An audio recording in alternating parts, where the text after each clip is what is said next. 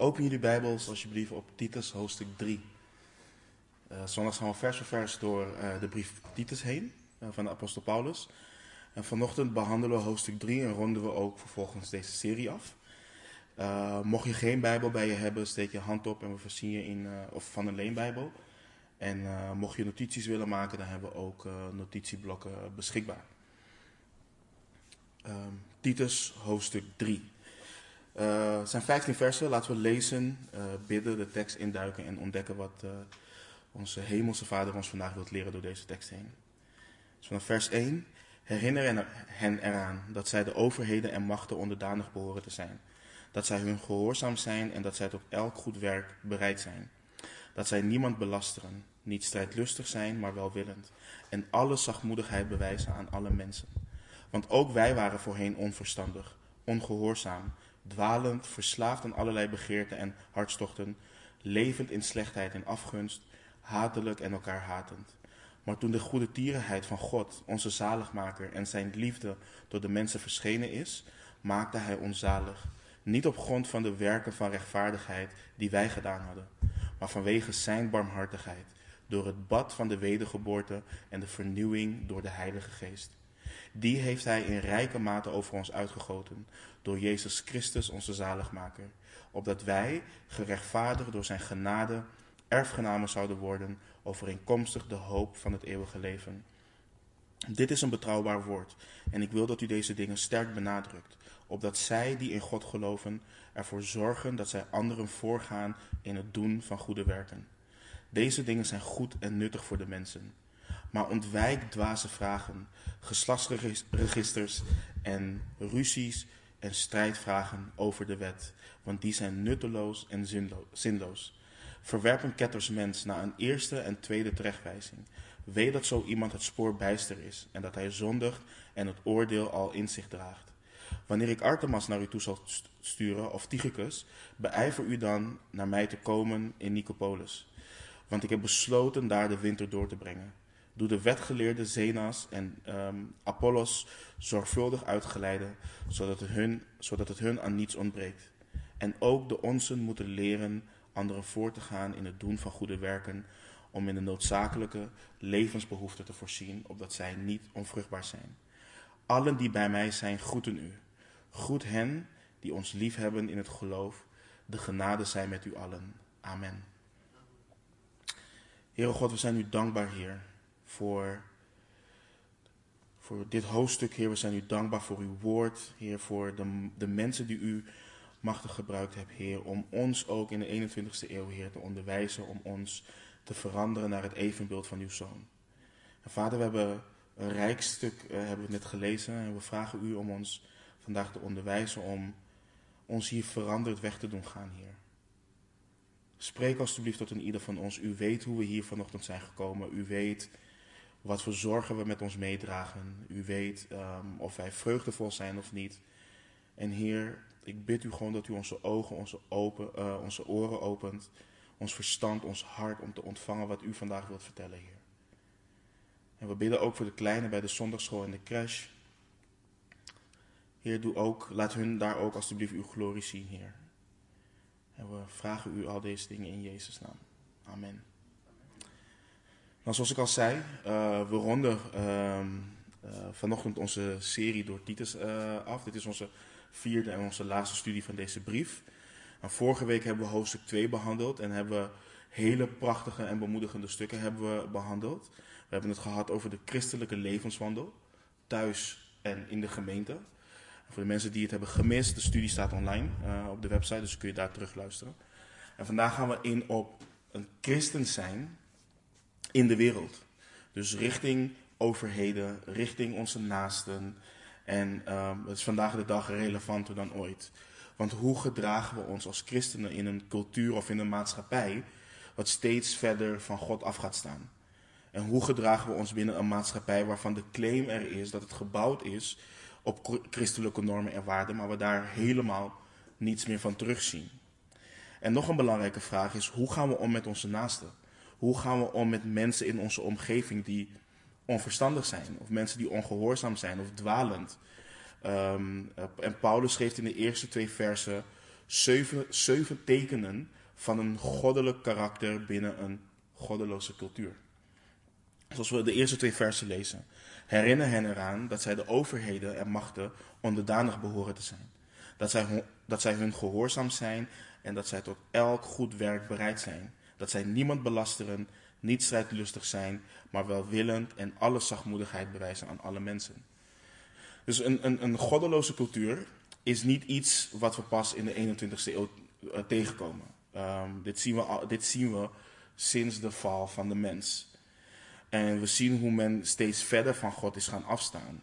En de Cretensen, dus de mensen op Kreta, die waren ook geen lievertjes. Dus vergeet niet wat we in uh, Titus 1, vers 12 hebben gelezen.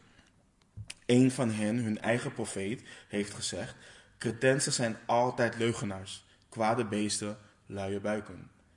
En de, de Cretensen stonden bekend om het feit dat ze twistziek waren. Ze hadden geen geduld met autoriteit en konden zich ook niet onderwerpen aan autoriteit.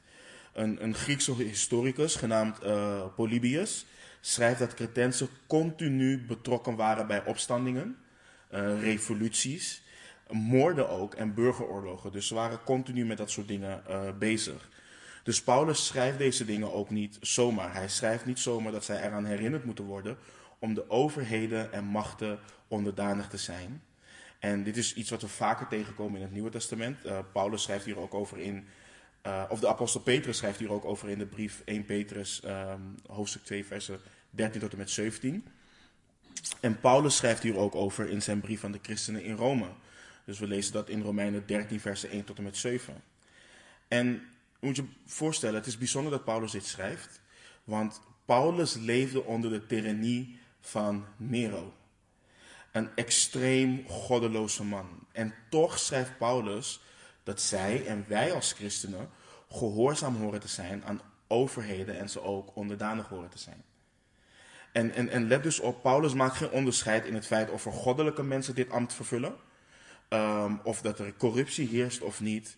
Als volgelingen van Christus horen we de overheden en machten onderdanig te zijn en gehoorzaam. Maar de vraag is dan, wat betekent dit en hoe ver horen we als christenen daarin te gaan? En als je het even simpel pakt, is christenen horen zich te onderschikken aan de regering tot het moment dat de overheid ons als christenen opdraagt iets te doen wat ons in de positie zet dat we Gods woord ongehoorzaam zullen zijn.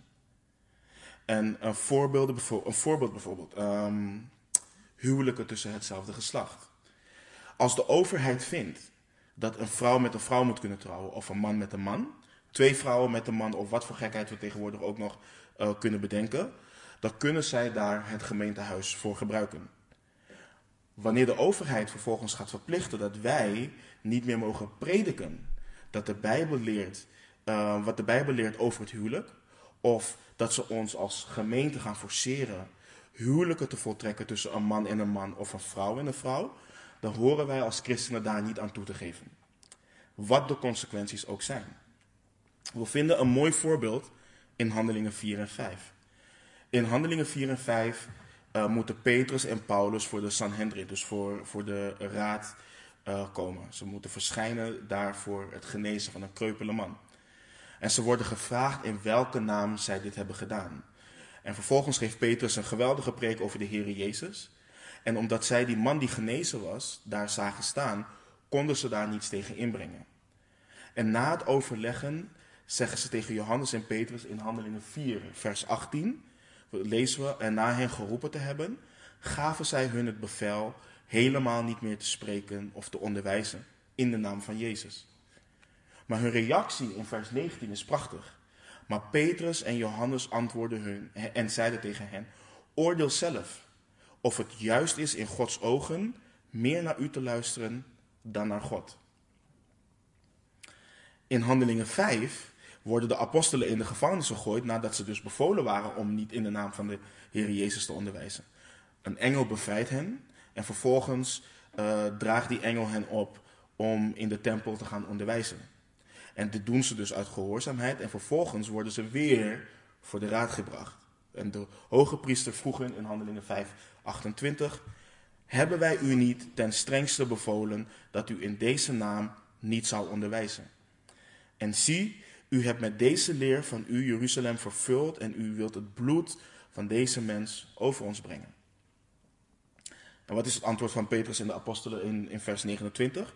Maar Petrus en de apostelen antwoordden en zeiden: Men moet aan God meer gehoorzaam zijn dan aan mensen.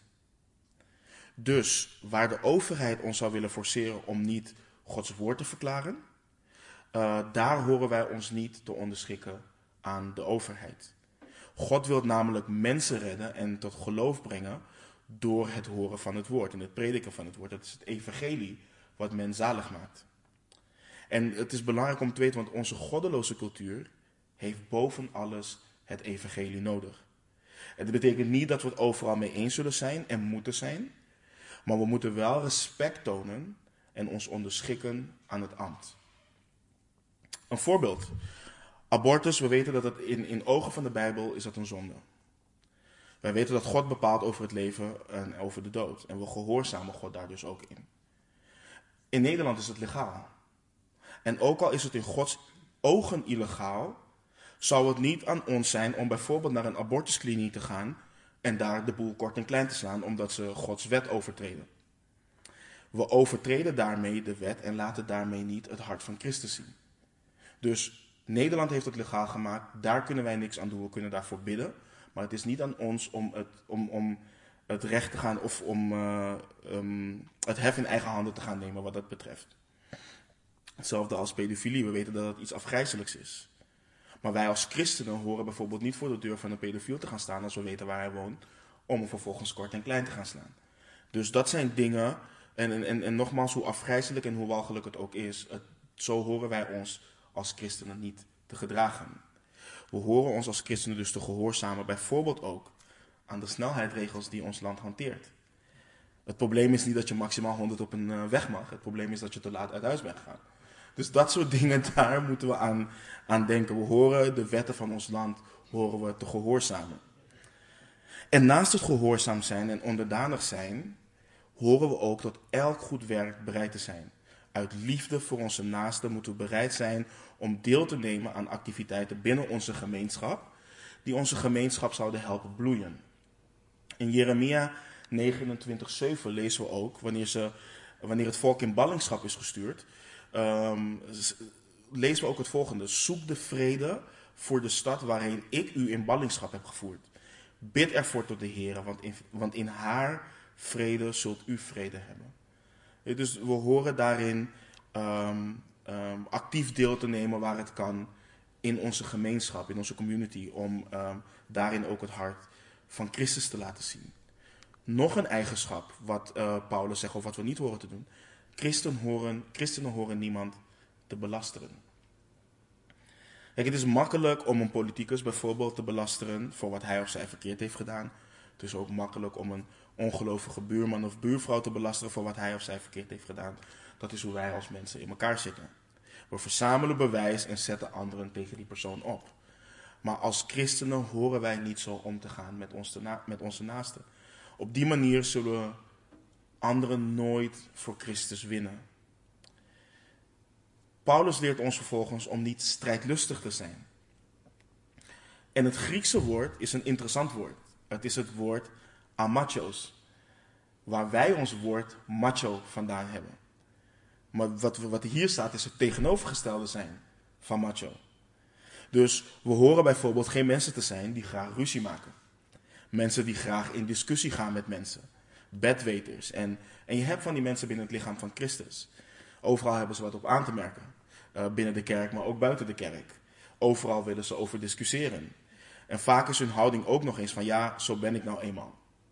En niet om wat, maar dit is geen eigenschap om trots op te zijn. We horen als christenen horen we niet zo, zijn, horen, horen we niet zo te zijn. Paulus leert ons onder leiding van de Heilige Geest dat we dit horen um, af te leggen. Want op deze manier win je absoluut geen mensen van Christus, voor Christus. Ik heb dit persoonlijk moeten afleggen. Ik was een bedweter. Ik wist alles beter. En ik vond overal wat van. En ik had overal commentaar op. En ik moest ook altijd laten zien dat ik een discussie kon winnen. Maar je stoot eerder mensen van je af dan dat je mensen voor Christus wint. En, en, en in plaats van ruzie te zoeken, leren we bijvoorbeeld van de schrijver van de brief van de Hebreeën. Jaag de vrede na met allen en de heiliging, zonder welke niemand de Heer zal zien. Dus het is iets wat we horen na te jagen, de vrede. En dat we niet strijdlustig horen te zijn. Paulus schrijft in zijn brief aan de, aan, aan de Romeinen. Leef zo mogelijk, voor zover het van u afhangt, in vrede met alle mensen. Dus wij horen dit na te jagen. We horen, wij horen ons best te doen, ons in te zetten om in vrede met alle mensen te leven. De Heere Jezus zei in de zaligsprekingen, zalig zijn de vredestichters, want zij zullen Gods kinderen genoemd worden. En het woord zalig hier in het Grieks betekent dolgelukkig. Dus wij, wij, wij horen vredestichters te zijn. Ons doel in een gesprek met onze naaste hoort altijd vrede te zijn. We horen niet de ziekelijke neiging te hebben tot ruzie zoeken met, met, met anderen. En Paulus gaat verder en leert ons om welwillend te zijn. Dit woord leert ons dat we aardig horen te zijn. Maar niet, ook, maar niet alleen aardig, ook verdraagzaam. We moeten onze naasten en de overheid moeten kunnen verdragen. We moeten ze leren verdragen. We moeten dingen kunnen doorstaan. Onrecht, laster, ga zo maar door. Dus het leert ons dat we in staat moeten kunnen zijn om niet voor ons recht te staan wanneer het de relatie met een ongelovige zou kunnen schaden.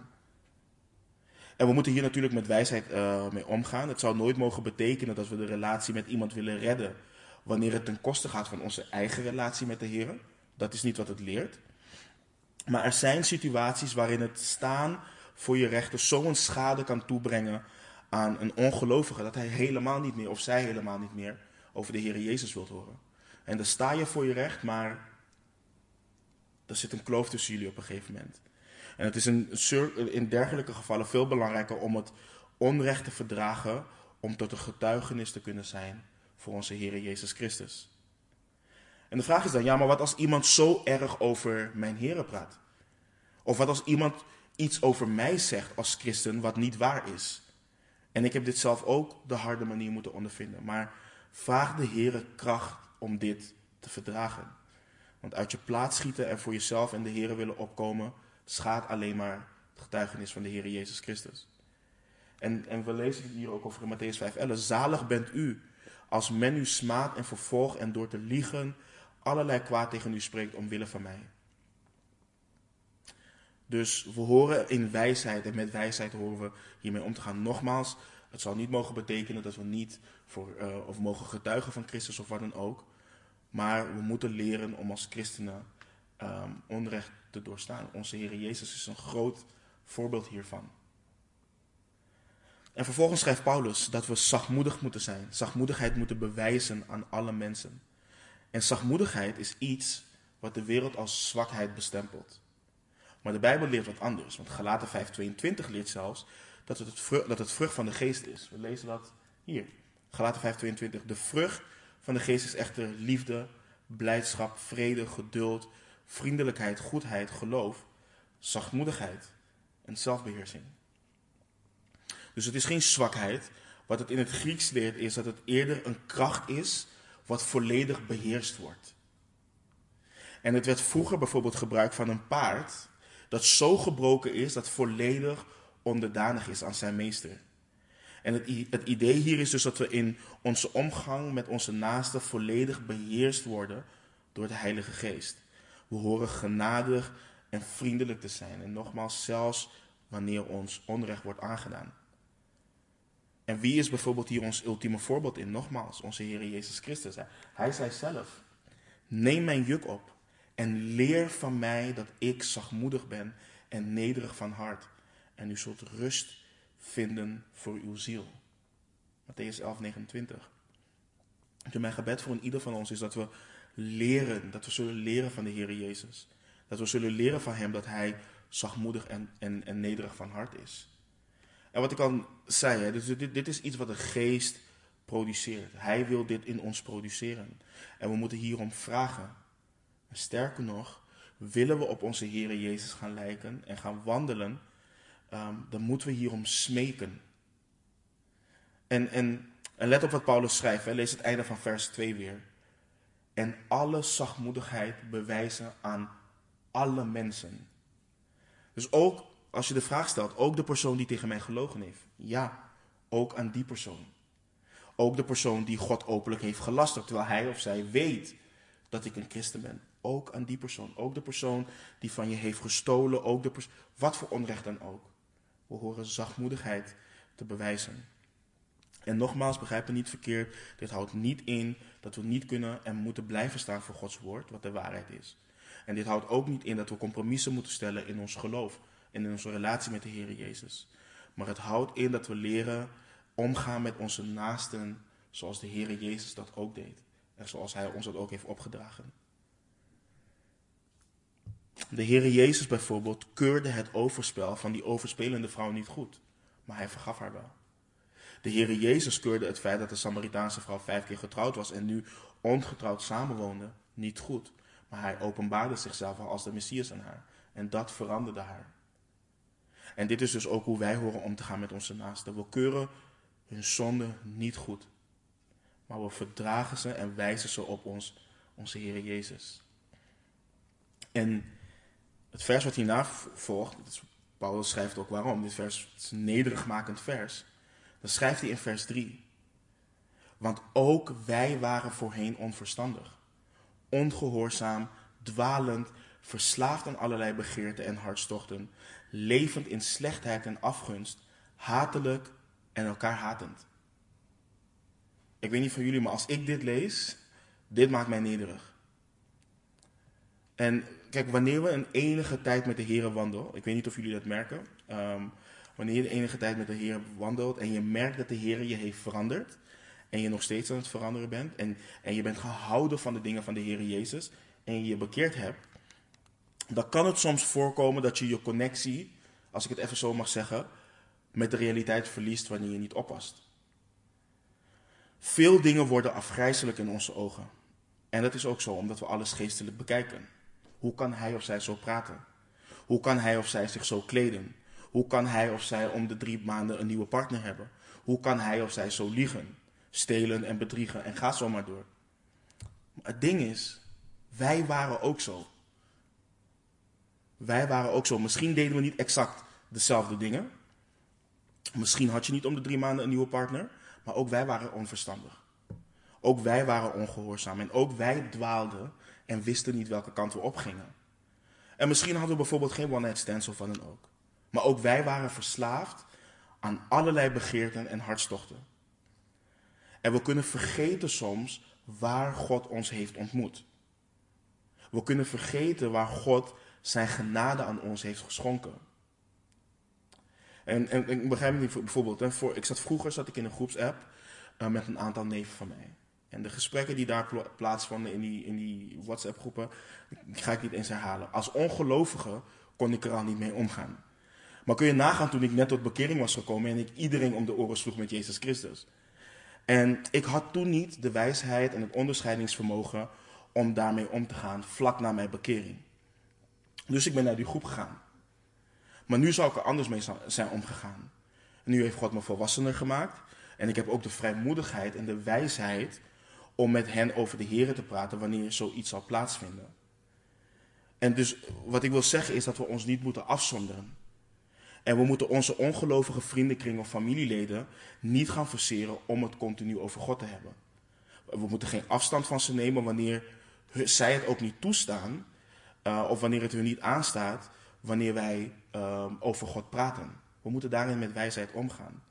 Dus in plaats van een, een, houding aannemen waarin we de deur kunnen sluiten om te getuigen over de Heer Jezus Christus, moeten we wandelen zoals Paulus hierboven heeft geschreven in de eerste twee versen. Want ook wij waren onverstandig, ongehoorzaam, dwalend, noem maar op.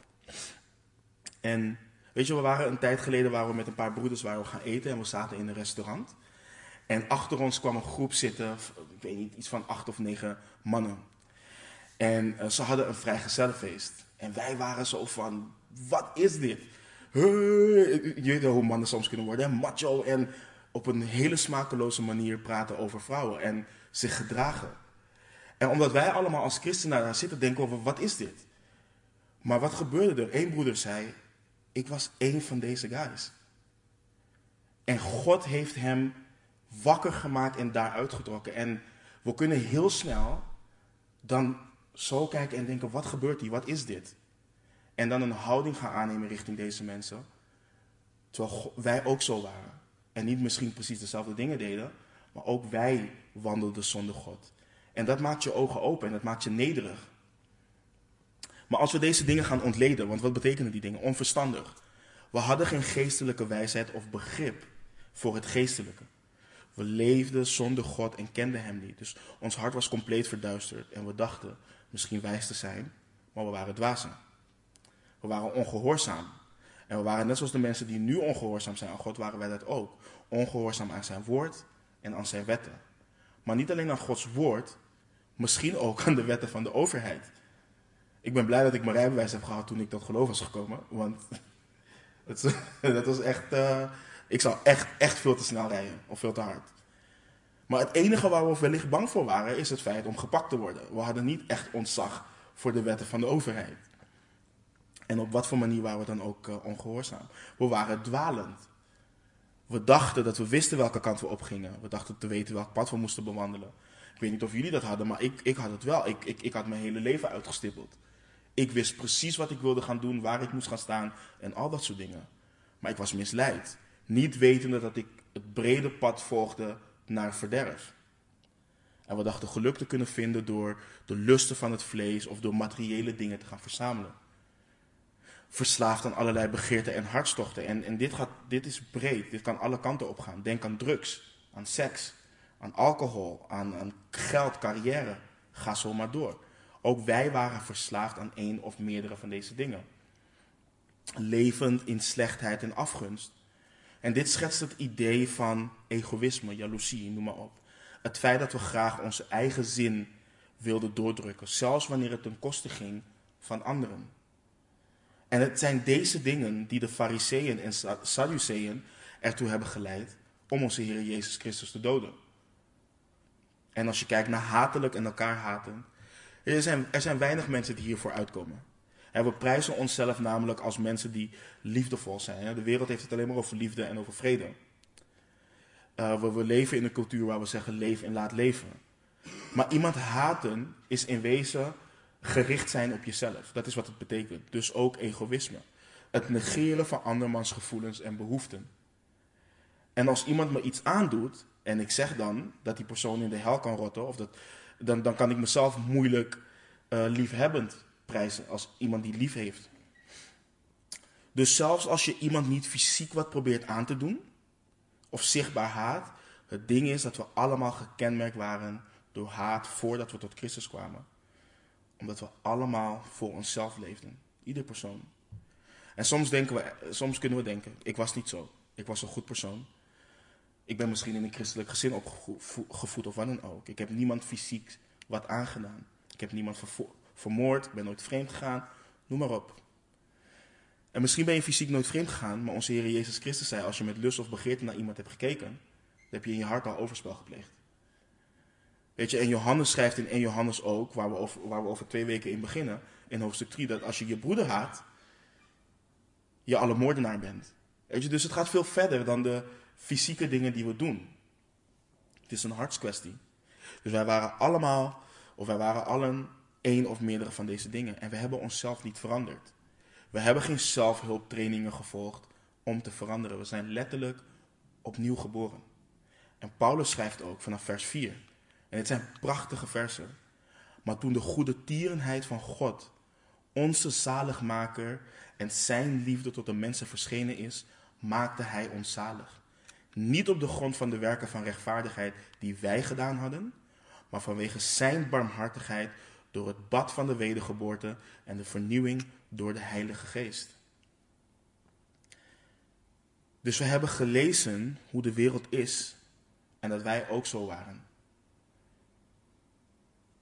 Want toen de goede tierenheid van ons, God aan ons verscheen, en dat is, dat is die maar in vers 4, dat is een prachtige maar.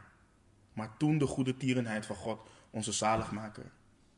Dus toen zijn goedheid en zijn liefde aan ons verscheen. Dus als je weer teruggaat. En het is niet, ik wil ons niet de grond intrappen en ons een slecht gevoel van onszelf geven. Maar dit is om de heerlijkheid en de grootheid van God te verheerlijken. Dus nogmaals, wij waren onverstandig, ongehoorzaam, dwalend, verslaafd aan allerlei begeerten en hartstochten, levend in slechtheid en afgunst, hatelijk en elkaar haten. Mensen gaan over het algemeen dit soort mensen uit de weg. Als we weten dat iemand zo is, dan willen we niks met zo'n persoon te maken hebben. Dat is hoe wij mensen in elkaar zitten. Maar God, heilig dat Hij is, puur, openbaarde zichzelf aan ons. Dus Hij liet ons zijn goedheid zien, zijn liefde, en Hij maakte ons zalig. En in, in het Grieks, in de Griekse taal, is dit één woord. Dat Hij maakte ons zalig. En het betekent dat Hij ons redde, dat Hij ons hielde, dat Hij ons genas en dat Hij ons behouden heeft. Dat is wat, wat, wat hier staat.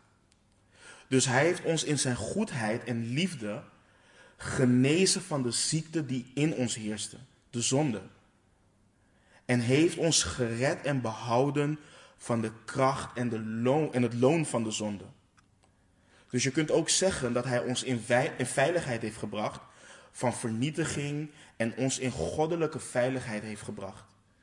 Dat is wat dit ons leert in het Grieks. En wat leert het bekendste vers van de Bijbel ons? Johannes 3:16. Want zo lief heeft God de wereld gehad, dat Hij zijn enige geboren zoon gegeven heeft, opdat ieder die in Hem gelooft niet verloren gaat, maar eeuwig leven heeft. Wat schrijft Paulus aan, zijn, aan, aan Timotheus, zijn zoon in het geloof? In 1 Timotheus 1, vers 15. Dit is een betrouwbaar woord in alle aanneming waard. Dat Christus Jezus in de wereld gekomen is om zondaars zalig te maken. Van wie ik de voornaamste ben. Ik denk dat als we naar ons verleden zouden kijken, ik, ik weet niet van jullie, maar ik denk dat we allemaal wel de strijd willen aangaan met Paulus van wie de voornaamste zondaar was. Maar 1 Johannes 4,9 ook. Hierin is de liefde van God aan ons geopenbaard dat God zijn enige geboren zoon in de wereld gezonden heeft, opdat wij zouden leven door hem. Dus als je kijkt naar al die dingen, het is de goede tierenheid van God, onze zaligmaker, en zijn liefde wat ons zalig maakt. Het is zijn goede tierenheid en liefde wat ervoor zorgt dat wij niet meer wandelen als voorheen en zoals de wereld nu nog steeds wandelt. Maar het is dezelfde goede tierenheid en liefde van God wat kenbaar gemaakt moet worden aan onze naasten, om te ontsnappen aan de kracht van de zonden en om zalig gemaakt te worden. En het is, kijk, dus wij zijn niet beter dan de wereld. We zijn begenadigd. Dat is wat we zijn. Als de goede tierenheid en liefde van God niet aan ons verschenen zou zijn, zouden we nog steeds onverstandig zijn. We zouden dat nog steeds zijn. We zouden nog steeds dwalen. Weet je, ik, ik, ik ben God echt dankbaar. Want toen ik nog niet geloofde, was ik al deze dingen en meer. Die we in vers 3 lezen. Maar Delano, zoals jullie volgens mij, ik heb vaker verteld, Delano heeft mij naar de Heer geleid. Delano heeft mij nooit het gevoel gegeven, misschien dacht hij het van binnen wel, ik denk het niet. Maar hij heeft me nooit het gevoel gegeven dat hij beter was dan ik. En ik denk dat met hoe ik was, ik hem wel tot misschien een punt heb geduwd dat hij bijna wilde opgeven en dacht, er is geen hoop voor deze man. En ik wil ons waarschuwen en aanmoedigen, want Soms willen we extra de liefde laten zien, of pas de liefde laten zien, wanneer het lijkt alsof iemand bijna tot bekering komt. Dan willen we tijd in iemand gaan steken, dan willen we bidden voor iemand. Dan hebben we opeens begrip voor het gedrag van die persoon. En ik heb me hier zwaar schuldig aan gemaakt en soms nog steeds. Maar deze versen hebben zo zo'n overtuiging op mijn hart gelegd dat het niet zo kan en ook niet zo hoort. Want we weten niet wanneer iemand tot bekering komt. En we kunnen mensen niet, we kunnen mensen niet bestempelen als, oh, je bent er bijna. Het bestaat niet. Het is niet wanneer iemand interesse lijkt te tonen in God, dat we pas dan genade gaan tonen. Nee, we tonen Gods genade waar zij op dat moment zijn. En we ontmoeten ze waar zij zijn, net zoals de Heere Jezus ons heeft ontmoet, waar wij waren als zondaars en vijanden van God. Want wat zegt Romeinen 5, vers 8? God echter bevestigt zijn liefde voor ons daarin dat Christus voor ons gestorven is toen wij nog zondaars waren. Dus het is belangrijk om, om daar in wijsheid ehm, mee om te gaan. En dat we dit soort dingen in nederigheid lezen en ook tot onze knieën gaan om God te bedanken voor wie Hij is en voor wat Hij voor ons heeft gedaan. En Paulus schrijft dus verder, Hij maakte ons zalig niet op grond van de werken van rechtvaardigheid die wij gedaan hadden, maar vanwege Zijn barmhartigheid door het bad van de wedergeboorte en een vernieuwing door de Heilige Geest. Dus dit, dit, dit hoort ons dus nederig te maken, want wij kunnen nergens in roemen. En we kunnen onszelf dan ook niet prijzen voor hoe we nu zijn.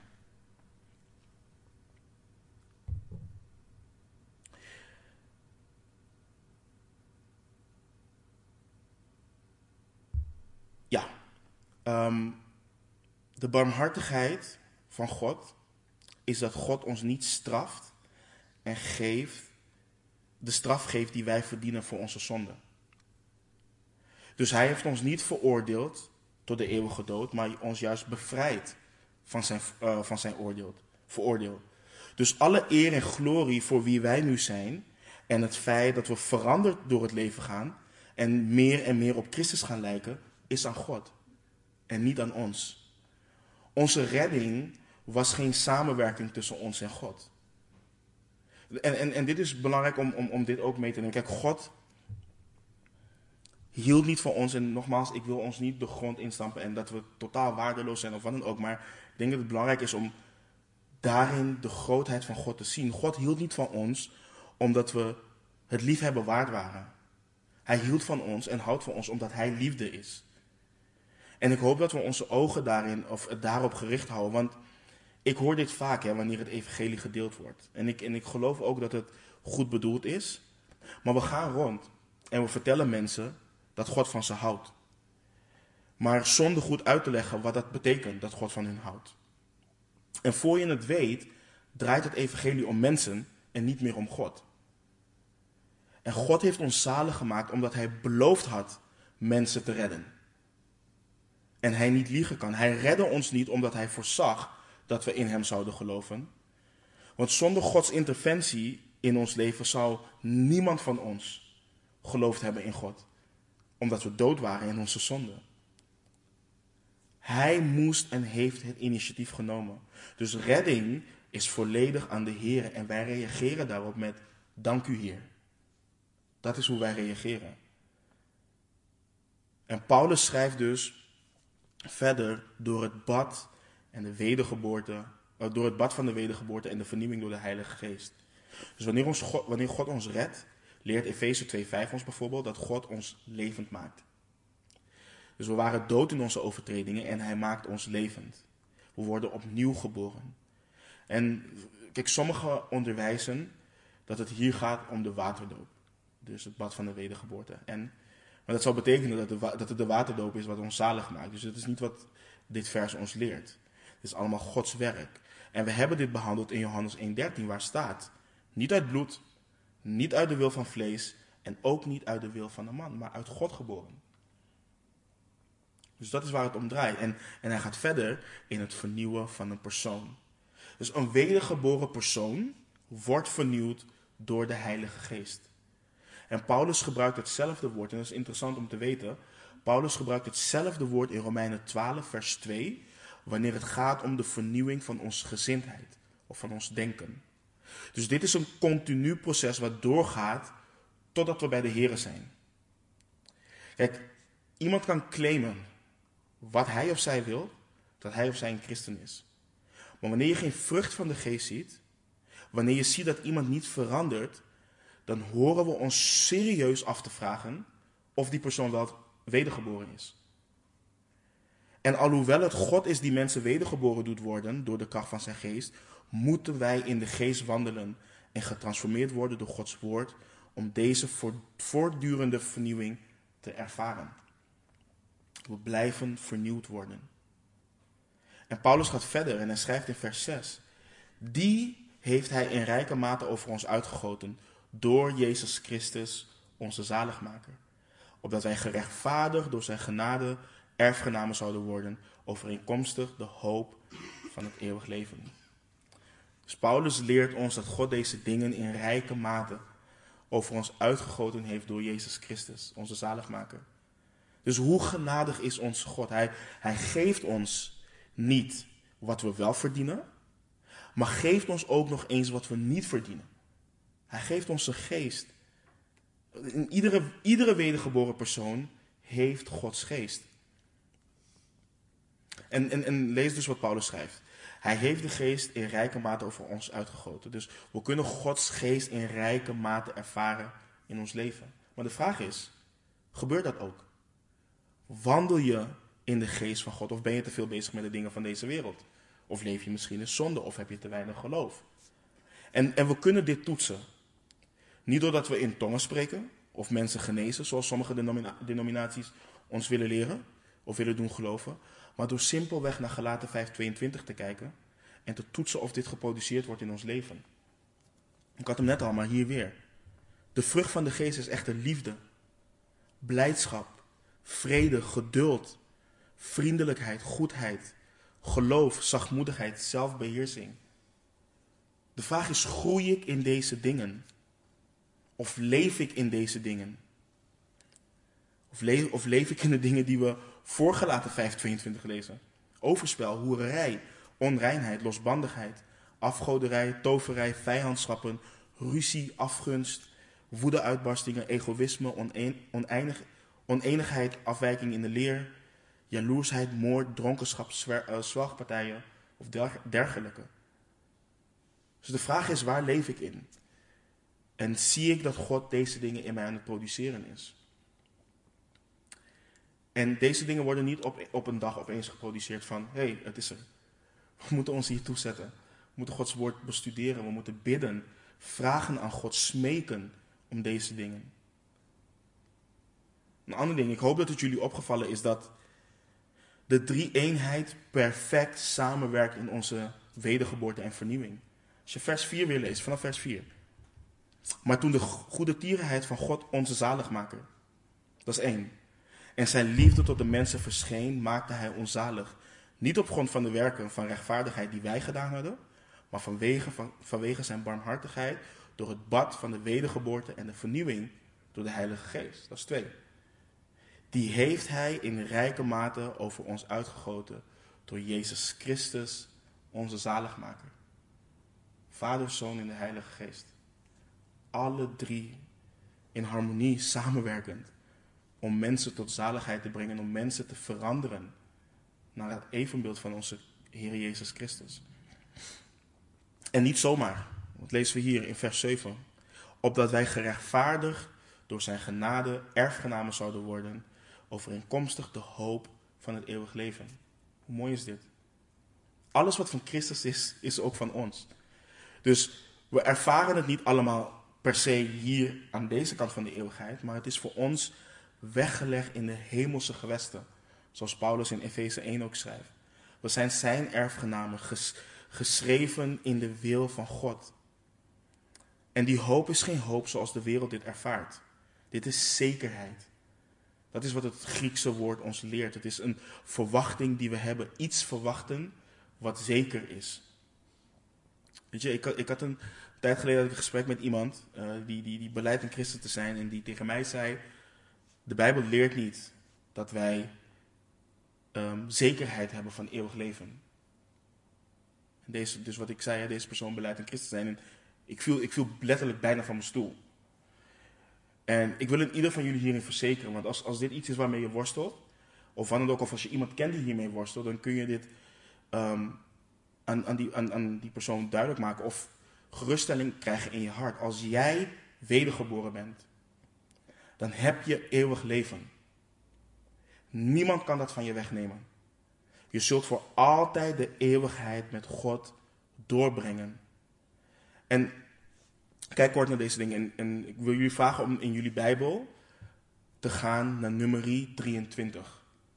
En als je, of als je een fysieke Bijbel ook hebt, als je durft te markeren in je, in je Bijbel, markeer dit.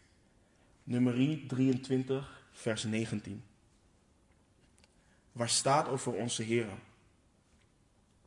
God is geen man dat hij liegen zal, of een mensenkind dat hij ergens berouw over hebben zou. Zou hij iets zeggen en het dan niet doen? Zou hij spreken en het niet gestand doen? Dus onthoud dat nog een keer. God is geen man dat hij liegen zou, of een mensenkind dat hij ergens berouw over hebben zou. Zou hij iets zeggen en het dan niet doen? Zou hij spreken en het niet gestand doen? Nummer 23, 19. Als jullie nu weer naar het Nieuwe Testament gaan, in 1 Johannes 2. Waar staat 1 Johannes 2, vers, 2, vers 25. En dit is de belofte die Hij ons heeft beloofd. Het eeuwige leven. Dit is Gods belofte. Zijn belofte is eeuwig leven. Iedere persoon die wedergeboren is. Dit is geen nieuwe doctrine. Dit is geen doctrine van de vijfde of de vijftiende eeuw. Dit is wat God heeft beloofd. En we weten, we hebben net gelezen dat God niet liegen zal. Dus we hebben dus hoop. Deze zekerheid van het eeuwig leven. En we zijn erfgenamen. En Paulus benadrukt het nog een keer even in vers 8 van uh, Titus. Dit is een betrouwbaar woord. Dus je kunt hierop vertrouwen. En ik wil dat u deze dingen sterk benadrukt, opdat zij die in God geloven ervoor zorgen dat zij anderen voorgaan in het doen van goede werken. Deze dingen zijn goed en nuttig voor de mensen. Dus Paulus leert ons dat deze dingen, ehm, dat deze dingen die, um, een motivatie voor ons horen te zijn. Ze horen ons, die in God geloven, te motiveren dat we anderen voorgaan in het doen van goede werken. En het idee wordt geschetst dat de heiligen goed horen na te denken over deze dingen, zodat ze het voortouw kunnen nemen in het doen van goede werken. Dus de reden is dat deze dingen, de waarheden van het evangelie en de goede werken van gelovigen, goed en nuttig zijn voor mensen. Zowel gelovigen als ongelovigen. Aan de ene kant bemoedigt onze goede werken, of bemoedigen onze goede werken, uh, en bouwen ze de heiligen op. Maar ze openen ook deuren zodat we verlorenen kunnen bereiken en hen kunnen vertellen over de goedheid van God door zijn zoon. En wat je hier leest, Paulus gaat ervoor uit dat mensen die deze dingen kennen, dat zij anderen voorgaan in goede werken. Dus vraag voor ons is ook, hoe zijn wij in ons geloof? Zijn we passief? En dat betekent niet dat we nu moeten gaan rennen en springen en allerlei dingen moeten gaan doen.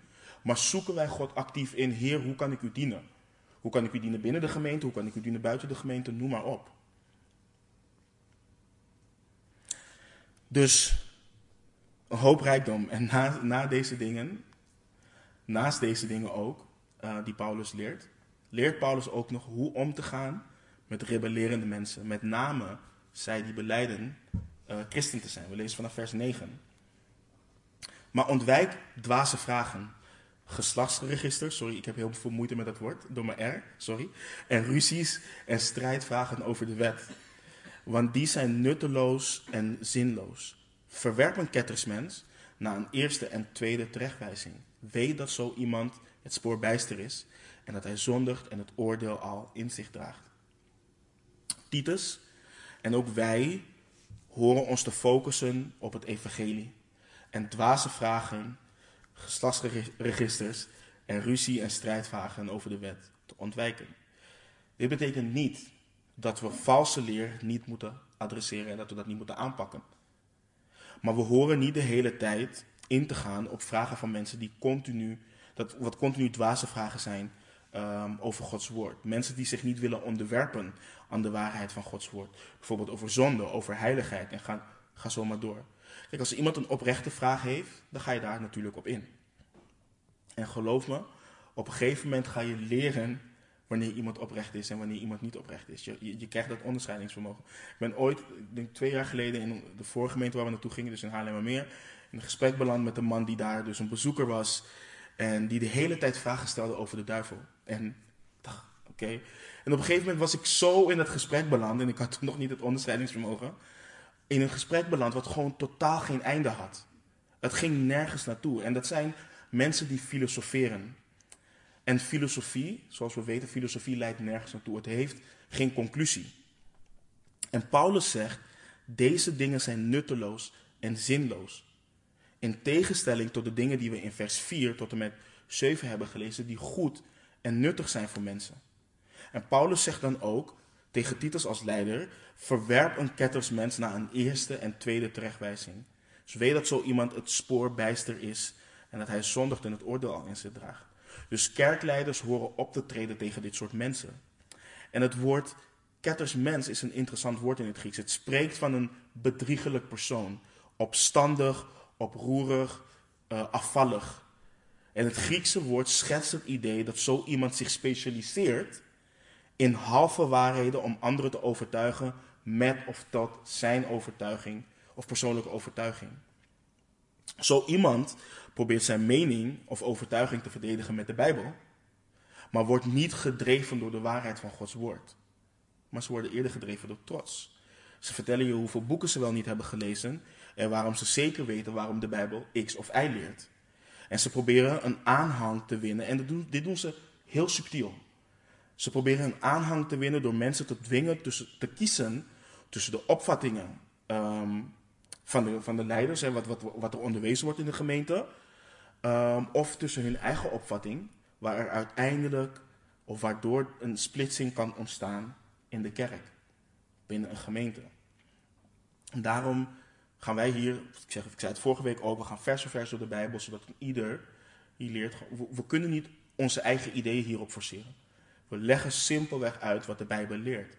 En Paulus schrijft van zo iemand, dus die, dat, die daar niet aan wil onderschikken, dat zo iemand het spoorbijster is en dat hij zondigt en het oordeel al in zich draagt. En Paulus bedoelt dat wanneer zulke valse leraren, kerkleiders of wat dan ook aanvallen, ze zichzelf eigenlijk blootstellen voor wat ze werkelijk zijn. En we lezen daar ook over in, uh, in 1 Johannes 2,19. Ze waren nooit uit ons. En met, dus met hun discussiëren over doctrine is zinloos. Want het echte probleem is niet doctrine, het echte probleem is zonde in hun leven. En daar begint het heel vaak. Wanneer iemand zich niet wil onderwerpen aan bepaalde doctrine, dan worstelen ze ergens al met zonde in hun leven. En die zonde zorgt ervoor dat ze meer compromissen moeten gaan stellen in het woord. En uiteindelijk kunnen gaan zeggen: nee, maar de Bijbel leert dit niet. Of de Bijbel leert dat wel. Terwijl de Bijbel daar heel duidelijk over is. En de manier waarop Paulus dit aanbeveelt, is te doen uh, aanbeveelt dit te doen is in lijn met wat de Heer Jezus al heeft onderwezen in Matthäus 18. Vers 15, waar, hij waar, waar, waar, we lezen: Maar als uw broeder tegen u gezondigd heeft, ga naar hem toe en wijs hem terecht tussen u en hem alleen. Als hij naar u luistert, hebt u uw broeder gewonnen. Maar als hij niet naar u luistert, neem er dan nog één of twee met u mee, opdat in de mond van twee of drie getuigen elk woord vaststaat. Als hij niet naar hen luistert, zeg het dan tegen de gemeente. En als hij ook niet naar de gemeente luistert, laat hij dan voor u als de heiden en de tollenaars zijn. En weet je, we lezen, we leven in een, in een, in een hele, um, in een cultuur waarin je heel veel compromises moet stellen en waar mensen, ja oké, nee, we moeten meevaren en we willen... Kijk, laten we vooropstellen dat dit nooit het doel moet zijn. We moeten nooit de houding willen hebben dat we iemand uit de gemeente willen zetten. Dat is nooit het doel. Maar het doel moet zijn om iemand in zachtmoedigheid terug te brengen tot de waarheid. Dat altijd vooropgesteld. Maar als iemand blijkt te zijn zoals Paulus hier omschrijft, dan wil zo iemand vaak niet. En kun je niets anders dan zo iemand de deur wijzen om de rest van de gemeente te beschermen tegen hun valse doctrine. Want het leidt uiteindelijk altijd tot zonde en uiteindelijk ook tot een kerksplitsing. Maar nogmaals, dit moet, nooit, dit moet in eerste instantie niet het doel zijn. De Heer Jezus zegt ook, je moet hem als eerste voor jezelf of voor de Heer terug willen winnen. Nou, in vers 12 tot en met 15 sluit Paulus de brief af. Wanneer ik Artemas naar u toe zal sturen, of Tychicus, uh, beijver u dan om naar mij toe te komen in Nicopolis, want ik heb besloten daar de winter door te brengen. Doe de wetgeleerde Zenas en Apollos zorg, zorgvuldig uitgeleiden, zodat, aan hun, zodat het hun aan niets ontbreekt en ook de onsen moeten leren anderen voor te gaan in het doen van goede werken, om in de noodzakelijke levensbehoeften te voorzien, opdat zij niet onvruchtbaar zijn. Allen die bij mij zijn, groeten u. Goed hen die ons liefhebben in het geloof. De genade zij met u allen. Amen. Ik ga niet te diep in op de namen van de personen, maar ik, ik heb wel een, een, een belangrijke toepassing ehm, voor ieder van ons, wat goed is, uit deze versen. En zeker voor hen ook, die ehm, zich in een leiderschapspositie, even zo, uh, als ik zo mag zeggen, bevinden binnen de gemeente of zich ooit daarin zullen bevinden. Of überhaupt als je op een bepaalde manier dient en ehm, je samenwerkt met andere mensen binnen de gemeente. Wat je hier leest, en je ziet dit vaak in Paulus zijn brieven, Paulus was geen one-man show. Paulus bereikt de wereld of bereikte de wereld en droeg zorg voor lokale gemeenten door met een team van gelovigen die zich inzetten voor de bediening. En net zoals Paulus horen wij mensen toe te rusten om zich in te zetten voor het koninkrijk. En we moeten mensen het vertrouwen geven dat ze dit kunnen en mogen doen binnen een gemeente. Paulus laat je zien dat het niet om hem draaide, maar om het werk van God, waar God goddelijke mensen voor gebruikt. En ja, een kerk heeft een leiderschapsteam, een oudste team en noem maar op. Zelfs, Paul, zelfs Peter was leider van de twaalf. Maar Paulus bijvoorbeeld was een, als we het even zo mogen noemen, een succesvol leider. Omdat hij anderen toerustte om zich op een goede manier in te zetten voor Gods koninkrijk. koninkrijk. En niet door mensen te maken zoals hij zelf was. Maar door mensen te richten op Jezus Christus. En um, anderen te leren dienen zoals de Heer Jezus Christus. Dus wat ik net al eerder vroeg, of wat ik net al eerder zei, ben je actief ook bezig, God vragend, Heer, hoe kan ik u dienen? Waar kan ik u dienen? Op wat voor manier kan ik u dienen? Wat voor noden zijn er binnen de gemeente? Wat voor noden zijn er in mijn omgeving? Wat kan ik doen en hoe wilt u mij gebruiken? En um, ga daarmee aan de slag. Weet je, ik kwam ooit toen ik net binnenkwam in Calvary Chapel Haarlem meer en en de voorganger daar, die gaf daar een goed voorbeeld. Ik zei, ja, ik weet nog niet hoe God mij wil inzetten. En toen zei hij, gaf een mooi voorbeeld. Hij zei, weet je, het is net als een, een, een auto. Die, die heeft een stuur. En als een auto geparkeerd staat, uit is, um, um, en je aan het stuur draait, heeft het geen functie. Het, het doet helemaal niks. Maar pas wanneer je in zijn één zet en dan begint te rollen en die auto begint te rollen, dan zie je dat, het, dat, dat een stuur een functie heeft. En zo wil God ons ook gebruiken. Als wij stilstaan en wij blijven bidden en we, Heer, waar wilt u me gebruiken, waar wilt u me gebruiken? Dan gaat het ook lang duren. En je kunt gewoon dus kijken, oh, waar is er een nood in de gemeente? Of waar is er een nood buiten de gemeente? En ik wil jullie hier niet meer opdragen van, oh, jullie moeten allemaal nu, dat is niet wat ik zeg, maar het is gewoon voor je eigen persoonlijk leven. Um, en daarom zullen wij ons hier, en dat is ook wat wij hier binnen de gemeente doen, ons toezetten om goddelijke mannen en goddelijke vrouwen um, te trainen om zich vruchtbaar in te zetten voor Gods koninkrijk. Want dit is ook wat Paulus deed. Ik hoop dat jullie genoten hebben van deze serie. Het was een korte serie, maar in mijn ogen heel krachtig. Ik heb er enorm van genoten. En deze brief daagt ons uit, mij in ieder geval wel, en ik hoop jullie dus ook, hoe, Gods, hoe we Gods volk horen te zijn en kunnen zijn in een goddeloze wereld. Dus wij die gered zijn door de genade van God, moeten goede daden verrichten ehm, met, onze lokale gemeente, met de lokale gemeente. En op die manier impact maken ehm, binnen onze community voor God. Amen. Laten we bidden. Heer, we zijn u zo dankbaar voor, voor deze korte maar krachtige brief, Heer. We zijn u dankbaar, Heer, dat u ons niet alleen gered hebt, Heer, en ons zo achter hebt gelaten en moeten wachten totdat u terugkomt, Heer. Maar dat u ons, Heer, wilt gebruiken voor de goede werken die u voor ons klaar hebt gelegd, Heer. En dat u ons ook wilt toerusten voor die goede werken.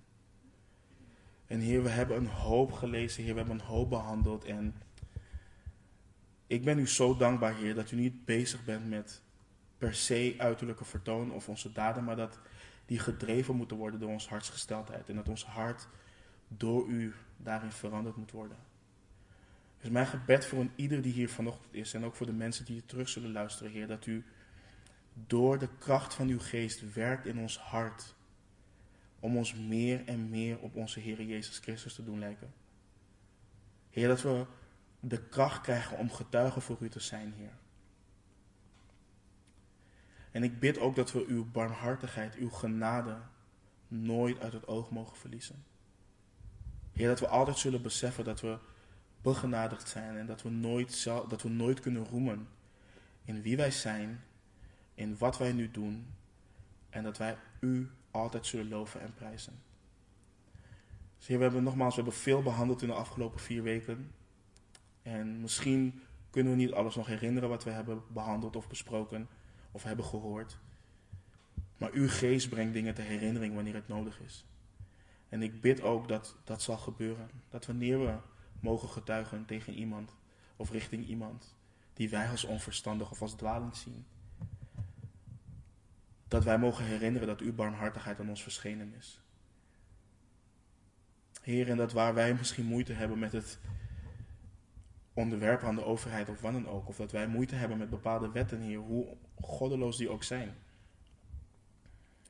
dat u ons de kracht geeft om het ambt te, te respecteren en dat ook te eren. Om een getuige voor u te kunnen zijn, Heer. En Heer, ook wat wij hebben behandeld over hoe jonge mannen zich horen te gedragen, hoe oudere mannen zich horen te gedragen, oudere vrouwen en jonge vrouwen. Ik bid ook voor de jonge vrouwen, Heer, wat u hebt onderwezen in, uh, in hoofdstuk 2. Over hoe zorg te dragen voor het huis en voor hun man en voor hun kinderen, Heer. Maar ook hoe u de mannen leert om hun vrouwen op een zelfopofferende manier lief te hebben. Zoals onze Heer Jezus de gemeente heeft liefgehad en nog steeds lief heeft. Dus Heer, pas deze dingen allemaal toe in ons leven. Laten het niet alleen maar woorden zijn waar we op een zondag even door opgepept worden, Heer. Maar laten deze dingen doorwerken. Elke dag opnieuw in ons leven. Dus Heer, we loven en prijzen uw naam. We zien uit naar wat u nog meer door deze gemeente heen gaat doen door het onderwijs heen gaat doen en door de fellowship onderling. En Heer, hetgeen waar ik echt naar uitzie, en ik denk, ah, zij alle hier met mij, Heer, dat wij U heel snel van aangezicht tot aangezicht mogen zien. En de eeuwigheid met U mogen doorbrengen. Maar in de tussentijd, Heer, rust ons toe en verander ons en help ons om Uw koninkrijk hier op aarde uit te breiden, Heer, en uit te bouwen. Loof en prijs uw naam nogmaals en houden van u. In Jezus' naam. Amen.